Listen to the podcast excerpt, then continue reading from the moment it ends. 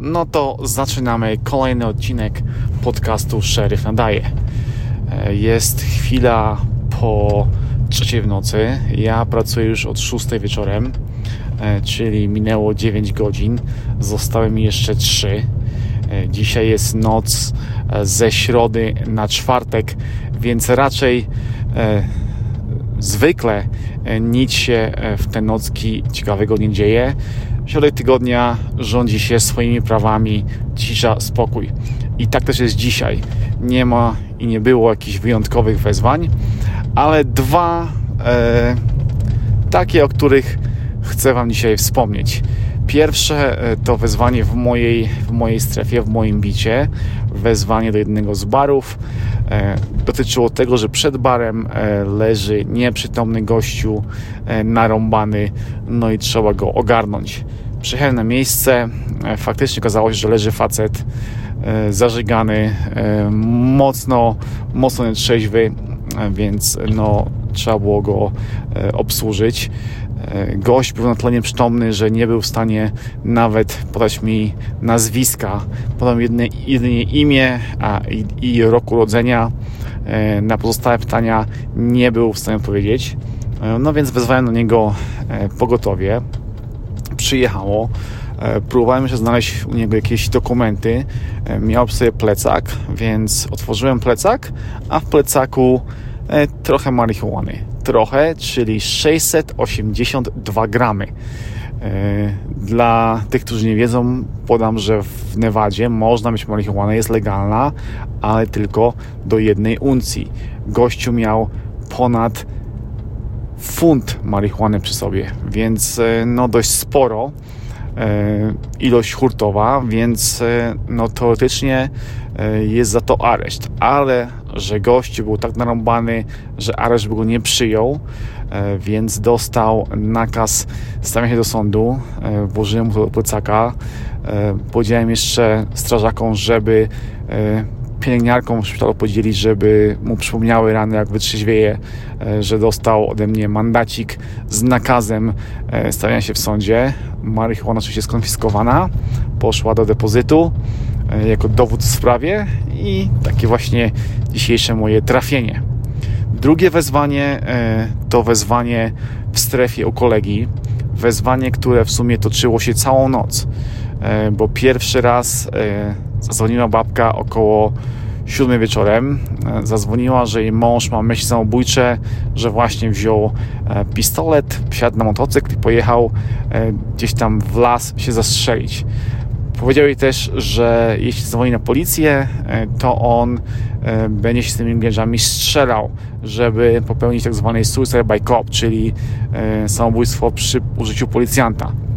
My w takich przypadkach nie interweniujemy.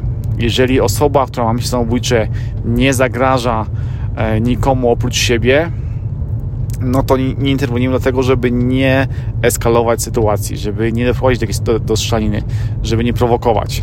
Więc tym razem też e, nie, no nie pojechaliśmy do tego wyzwania. E, babka dzwoniła kilka godzin, później, powiedziała, że mąż wrócił, e, że właśnie się kąpie pod prysznicem, że odłożył broń do sejfu, ale nadal mam myśli samobójcze, z tym, że już jest trochę bardziej spokojony powiedziała, że dzwoni tylko po, żeby nas poinformować, że nie, nie chce naszej interwencji, ale żebyśmy wiedzieli, że gościu wrócił. No spoko. E, parę godzin później, około drugiej w nocy, e, znowu telefon z tego samego, z tego samego e, e numeru. Tym razem e, tak zwana otwarta linia open line, czyli babka zadzwoniła, ale telefon położyła na stole, żeby po prostu transmitował to, co się dzieje w domu. No i słyszeliśmy, e, że gościu e, grozi jej, grozi dzieciom, e, grozi, że sam siebie zabije, że weźmie tabletki. No, sytuacja zaczęła się być nieciekawa, więc pojechaliśmy na miejsce. Na miejscu pod domem cisza, nic się nie dzieje, ani stworzonych krzyków, ani żadnej awantury. No ale postanowiliśmy, że jednak skoro były jakieś tam groźby dla osób trzecich, to trzeba interweniować. Więc kolega zapukał, drzwi otworzyła babka, z dzieckiem na ręku. Powiedziała, że nic się nie dzieje, że wszystko w porządku. Kolega oczywiście walnął taką ściemę, ściemę że przyjechał się zrobić zwany welfare check, bo ktoś zadzwonił sąsiadom, że coś się dzieje. Zapytaliśmy, czy ktoś oprócz niej jest w domu. Ona powiedziała, że tak. W tym momencie za drzwi wyszedł ten facet. Powiedział, że nic się nie dzieje, wszystko w porządku poprosimy, by, do nas wyszedł. On wyszedł, zachował się normalnie, e, spokojnie, ale e, no, oczywiście trzeba było zrobić dochodzenie. Okazało się, że gościu po tym jak wrócił do domu, to jeszcze raz odjechał z domu tym samochodem, wziął ze sobą strzelbę. E, ona była nadal w aucie. Oprócz tego wziął jakieś tam tabletki, więc jak najbardziej gościu miał myśli samobójcze. A to spowodowało to, że w takim przypadku tacy ludzie trafiają na oddział psychiatryczny na 3 dni. E, to jest takie zarządzone przez stan. E, I w tym momencie, no, jako że e, słowa kobiety się potwierdziły przez to, że znaleźliśmy broń w samochodzie, że faktycznie były fiolki puste w, po lekach, więc gościa zawieźliśmy na zamknięty oddział psychiatryczny.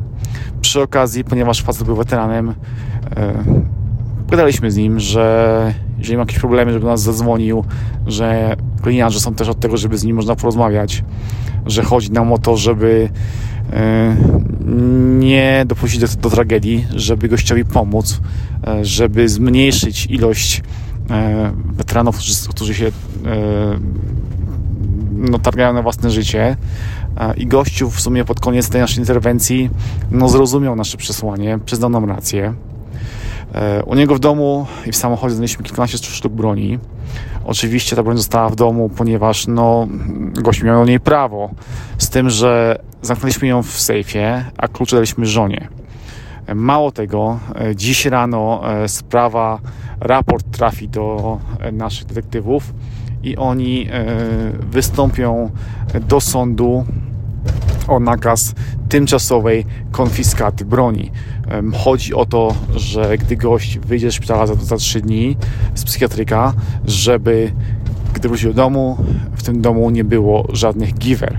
E, I sędzia no, raczej na pewno e, ten e, nakaz konfiskaty nam da. I w tym momencie detektywi pojadą do tego domu, tylko jeszcze nie będzie, gdy będzie tylko żona i tą broń po prostu tymczasowo skonfiskują i złożą w depozycie. E, dobra, to tyle, jeżeli chodzi o dzisiejszy dzień. E, oprócz tego nic, nic się nie działo, nic nadzwyczajnego. Kilka zatrzymań samochodów do kontroli, tego typu pierdoły, e, ale nic, nic w sumie ciekawego.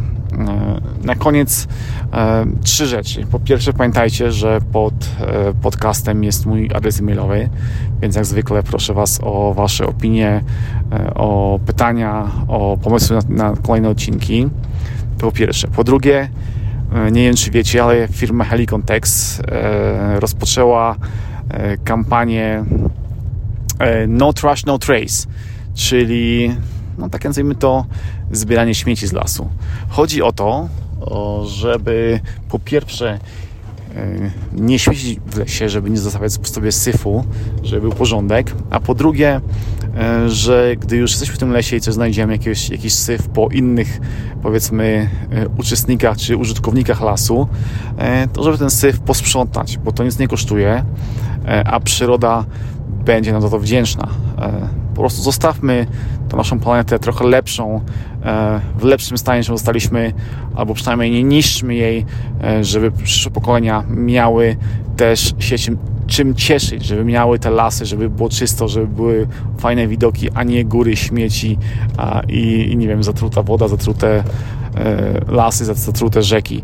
Także Widzicie jakieś śmieci, zbierajcie, podnoście, e, bo moim zdaniem to nic nie kosztuje, a naprawdę warto i przyroda będzie nam wdzięczna.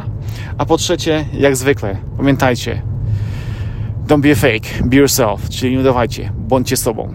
Taka prosta e, dewiza, a, a jakże użyteczna w naszym życiu, prawda? Dobra, koniec, tyle.